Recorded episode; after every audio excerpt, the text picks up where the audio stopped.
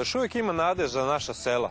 Dokaz je Siniša, jedan mlad momak, vredan, koji je odlučio da se vrati u Kucuru, svoje redno selo, i počeo da se bavi stočarstvom i povrtarstvom. Došli smo da čujemo njegovu priču. Zdravo Siniša, Dobar dan, poštovanje. poštovanje, dobri, do, dobrodošli u Kucuru. Bolje vas našli. Kako Takođe. ste mislili, dobro? Odlično sam. Evo ovako, danas je neobično, uglavnom mladi beže u gradove, u inostranstvo, ti si mlad momak koji je odlučio da se vrati u svoje radno selo i počne da se bavi stočarstvom, kozama pre svega, je tako, i povrtarstvom, pa smo došli da čujemo tvoju priču. Ako se Da, slažeš. slažem se, izvolite. Hvala puno.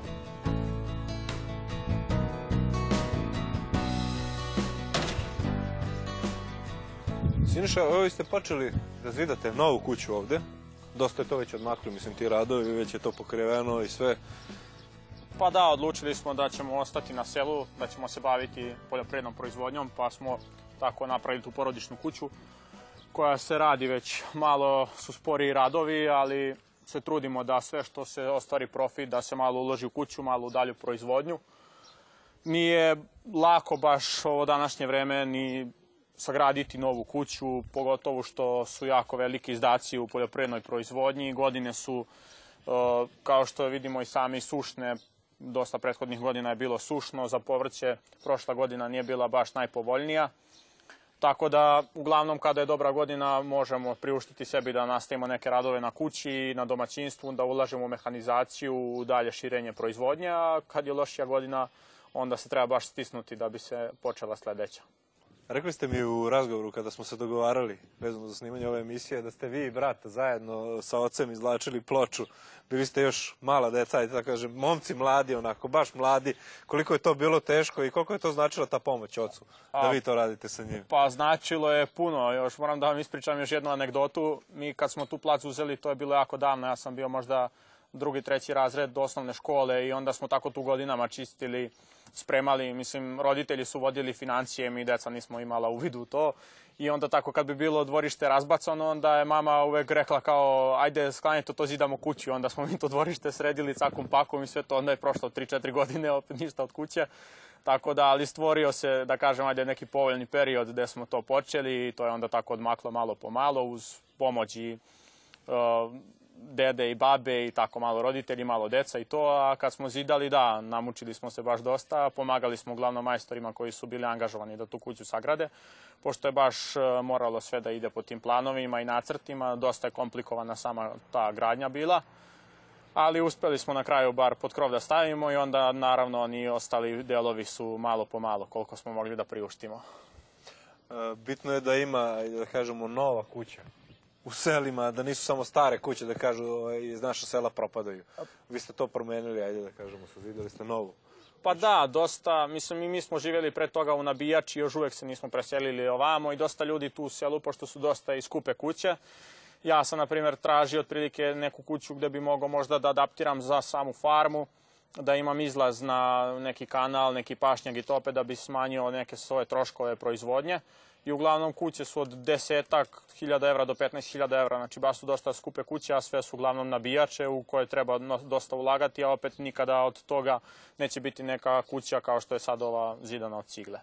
Baviš se proizvodnjom mleka kozijeg, uzgojom koza, je li tako, i Da, da, da. Hajde da vidimo koze tvoje. Hajmo.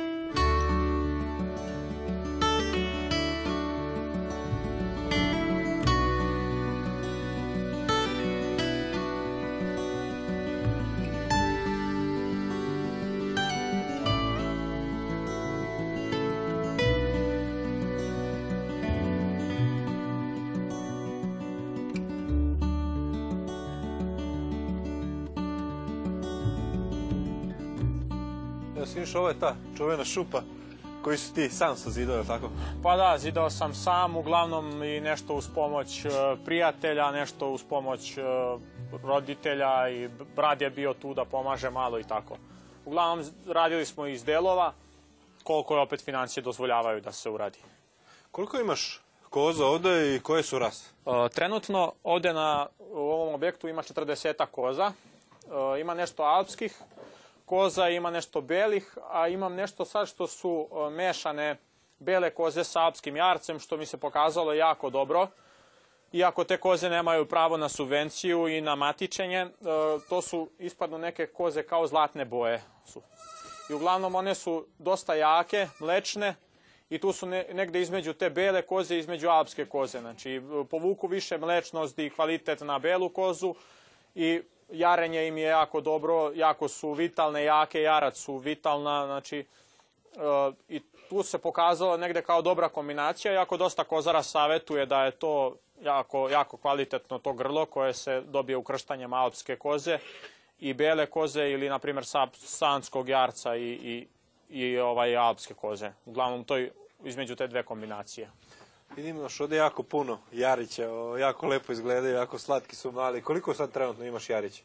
Pa, e, Jarića ima raznih, ima starijih, mlađih, uglavnom one, oni su sada tu trčkaraju po celom dvorištu, puštena su, Jarad ima oko preko 40 komada, ne znam još tačno brojno stanje, imali smo nešto malo uginuća i uglavnom računali smo to i prvo muško-žensko jarad kako je odnos dok su ženke vodile, kad su ženke prestale da vode onda sam prestao i da računam, rekao ajde samo nek su živi i zdravi, a kasnije kad budemo to odvajali, što će biti uskoro ćemo videti tačno brojno stanje između muških i ženskih jaradi. Uglavnom, ono što mi se jako sviđa je što su ženska jarad e, dosta jaka, baš primetim da, da su dosta jača od muških i, na primjer, tu gde ima muško-žensko, uglavnom su neke e, iste, iste veličine, jako su, na, na dosta kvalitetnoj hrani i jako lepo napreduju. Da li imaš neku pomoć ili ti sam radiš ovo sve? A pomoć sam imao do prošle godine, od ove godine i od kraja neke prošle godine radim sve sam. E sad, koliko ću stizati, da li ću stizati i da li će mi trebati opet neka ispomoć kad krene sa mužom, verovatno hoće, ali o tom potom to ću videti sam. Uglavnom, za sada stižem sve, iako mi je ono vreme baš gust raspored. Koji su te dalji planovi neki? Da li zadržavaš ove ženkice, muškarce, pretpostavljam da ne u tolikoj meri. Do, do koliko misliš da se širiš, tako da kažeš? Pa, e, muška jarac se prodaje uglavnom, ide sve na prodaju, a ženske jariće planiram da ostavim. E, sad sam prošle godine uzeo kvalitetno priplodno grlo, kvalitetnog jarca iz Kumana od e, kolege iz Veternika. I sada planiram ove ženkice da ostavim zato što mi se jako sviđaju Uh, jako mi se sviđaju kakve su, jako su lepe, jake, vitalne, pa planiram da ih ostavim, pošto već imam dosta starijih koza koje već nisu, već polako prestaju biti sposobne za priplod i za laktaciju, tako da planiram da podmladim malo stado i da malo bude ta nova krv, da kažem, i da te koze budu matičene, pošto su u procesu matičenja. Što se tiče mleka i toga, da li prodaješ nešto, si pomenuo da delom prodaješ, odnosno prodavao si jednoj od mlekara, nešto praviš od sireva, kakav je tu odnos? Pa vidite ovako, prošle godine smo uglavnom 90% količina prodavali mlekari, jer smo radili povrće pa nismo stizali da se puno bavimo ovaj, proizvodnjom sira, ali smo uglavnom radili ako neko naruči pa smo vanredno onda to odradili. Imali smo par mušterija koji su uzimali, ali njihove potrebe su zadovoljavale tih 10% mleka koje je ostajalo u domaćinstvu. Ove godine e, smo kontaktirali mlekaru i oni više nisu zainteresovani za otkup mleka, ne samo sa nama, nego sa kolektivno e, kozarskim farmama ovde u okrugu, u opštini Vrbas. E, nadam se da ću uspeti da nađem ili neko ko bi bio spreman za saradnju za otkup mleka, pošto E, ne verujem da ću stići sam da preradim sve količine mleka u sir i da prodam to sirovo mleko, jer se nadam da će biti dosta, a po uzoru na prošlu godinu trebalo bi da bude mnogo više mleka, jer je duplo više sad koza i u laktaciji, pošto sam prošle godine imao nešto koza koji su u procesu matičenja, pa nisu mogli ići za priplod pre navršenih određene starosti. Sad su te koze prvojarke i bit će znači, u laktaciji ove godine. Tako da, ukoliko ne otvorimo neku novu saradnju za otkup mleka, ne znam da li ću i kako ću uspevati da, da izguram sve to sam. Ja sam planirao da konkurišem i na pokrajinski konkurs za opremu za e, preradu mleka, ali e, sami ti konkursi, to je raspisano za mlade poljoprivrednike, sami ti konkursi su meni kao mladom poljoprivrednu nekako nedostižni, jer oni su tražili tamo zakup ili vlasništvo prostorija koje su po standardu, registraciju APR-u, a meni je to e, malo previše za, ajde da kažem, neki početak u ovom poslu. Da bi dobio tamo subvenciju od 90% koliko oni vraćaju na tu opremu. Ja nemam spremne te prostorije i to je jednostavno, po mom mišljenju, neki konkurs koji treba malo e, duže vremenski period da traje, a ne samo mesec dana koliko traje taj konkurs, da bi mladi poljoprivrednici, prvenstveno kome je taj konkurs i namenjen, novim gazdinstvima, da bi bili spremni da imaju svoje neke planove da bi izgradili takve neke prostorije ili opet adaptirali nešto postojeće što već imaju. Tako da što se tiče opreme, e, neću konkurisati na taj konkurs, tako da sve ono što mogu da preradim e, po nekom e, dosadašnjem toku koje sam radio, nešto u, u samom domaćinstvu ću prerađivati, a za ostale količine još uvek nisam siguran gde ću ih plasirati.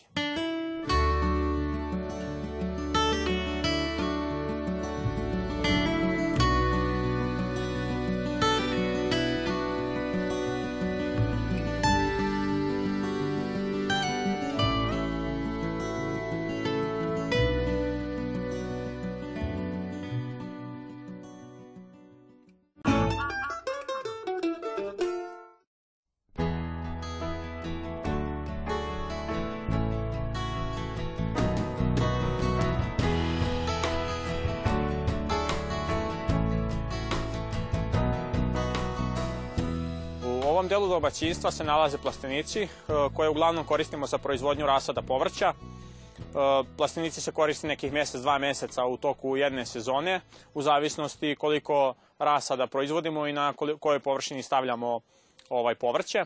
Prošle godine smo, kao što sam rekao, radili karfiol kupus. E, ovaj staklenik je ovde bio namenjen za proizvodnju rasada. Uglavnom imamo tu još dva plastenika, koje su po potrebi se onda adaptiraju isto za rasad. E, što se tiče ostale proizvodnje u plastenicima, ranije smo to radili cveće, povrće i radio sam sadnice paulovnije koje sam radio 5 godina e, e, iz razloga što se jako povećala moja ostala obaveza na farmi i obaveza što se tiče ratarstva i povrtarstva. Tu proizvodnju sam preusmerio na kolegu iz Beograda tako da se on ovaj, dalje time bavi.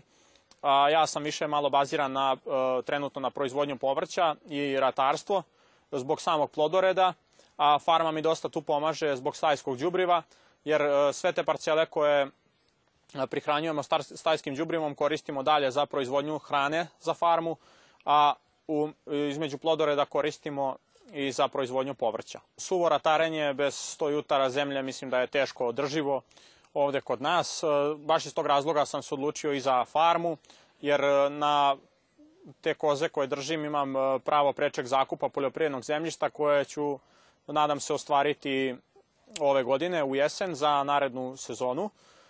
E, takođe, što se tiče e, povrća, isto je malo intenzivniji posao, ali opet može se sa manjih površina mnogo bolje ostvariti profit nego sa e, ratarenja. Takođe, e, nedostatak zemljišta, pošto ne radimo, radimo do 10 jutara zemljišta u vlasništvu, e, ne radimo u arendu ništa, e, malo tu nedostatak tog zemljišta nadopunjavaju i plastenici u kojima se odradi ponekad salata, neko povrće i ostalo. Uglavnom, koliko stižem sam na domaćinstvu da uradim, ali ove godine, pored farme je u planu da se uradim ovaj, kupus, možda karfiol, nešto rano karfiola i možda, možda još dođe i neka druga kultura u zavisnosti od samih obaveza. Što se tiče mehanizacije, iako je stara mehanizacija, uh, uspeo sam na malo i teže načine i da dođem do neke mehanizacije. Prvenstveno najveći nedostatak uh, do pre godinu dana mi je bilo sistem za zalivanje, koje sam imao stari sistem sa cevima, prvo rasprskivači, pa onda to malo već zastarelo, ti rasprskivači, pa smo tifonski top postavljali i samo to premeštanje tog topa po blatu i to je bilo dosta naporno, skupljanje tih cevi.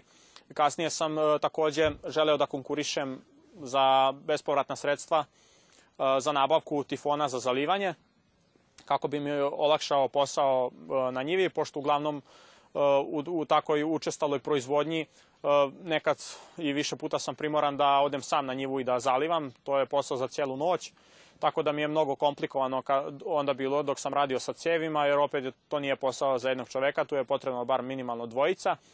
E, na taj konkurs je prijatelj izašao sa računom već kupljenog tifona, nije dobio povraćaj. kao mladi poljoprivrednik i jako me je to razočaralo što uh, poljoprivrednici kojima je neophodno baš ta jedna stavka da bi nastavili proizvodnju ili da bi olakšali sebi posao, ne dobiju tu jednu stavku, dok ostali koji imaju, imaju, dobijaju još više i više.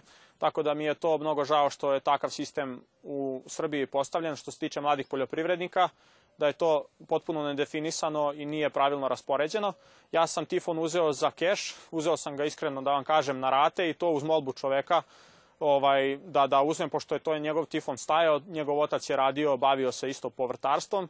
Čovek nije nastavljen, nastavio time da se bavi, Tifon je bio u, u potpuno nefunkcionalnom stanju, a ja kako sam završio poljoprivrednu školu u Futogu i studirao dve godine poljoprivrednog fakulteta, sam taj Tifon iz svog znanja nekako uspeo da e, remontujem, da adaptiram da bi radio i uz neko kidanje creva u, u sred noći, u sred zalivanja, do nekih kvarova isto koje, e, koje nisam uspevao sam da sredim. Dosta mi je pomogao i otac koji se takođe bavi popravljanjem tih e, poljoprivrednih mašina.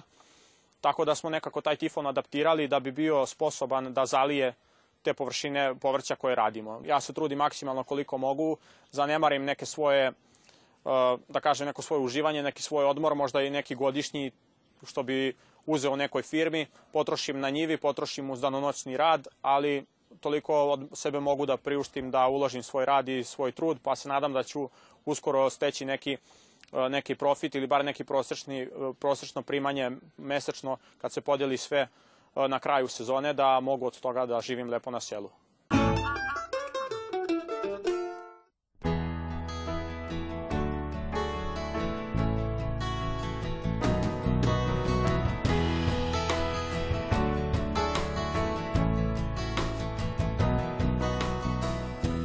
Siniša, evo sedimo za stolom, domaća hrana, domaći sir, tvoja proizvodnja, Kako si naučio da proizvodiš sir? Da li si imao neka saznanja ili se učio od starijih preko interneta? Sad sve više ljudi pogledaju na internet pa nauče neke recepte. Možeš li nam reći, ovaj, vidim da ovo je s nekim začinima? Pa da, to su sve proizvodi sa naše farme, domaći proizvodi, jer uglavnom e, nemam još uslova za neku poluindustrijsku neku proizvodnju, za nešto više, to je sve radi, rađeno po, na tradicionalan način. E, na prirodan način, bez ikakvih dodataka, aditiva, znači sve na prirodno, prirodnoj bazi urađeno. E, to je sir, tvrdi sir sa tucanom paprikom i običan tvrdi sir. U, u, pored toga, naši proizvodi su mladi sir, e, radimo sireve sa ra, još različitim dodacima, tu su raznorazni začini, od e, ruzmarina, od na primjer, može čak da se stavlja i čokolada u, neki, u neke sireve, to jest u sireve ovakvog tipa, e, stavljaju se kikiriki, se stavlja, neko čak stavlja i sušeno voće, znači to su sve već e, igre sa ukusima. E, ja uglavnom radim tako kako kupci hoće, vole, uglavnom i tako kad naručuju neku vrstu sireva, onda napravim i nešto drugačije, pa opet im dam da degustiraju, pa onda neko se odluči za i tu vrstu sira.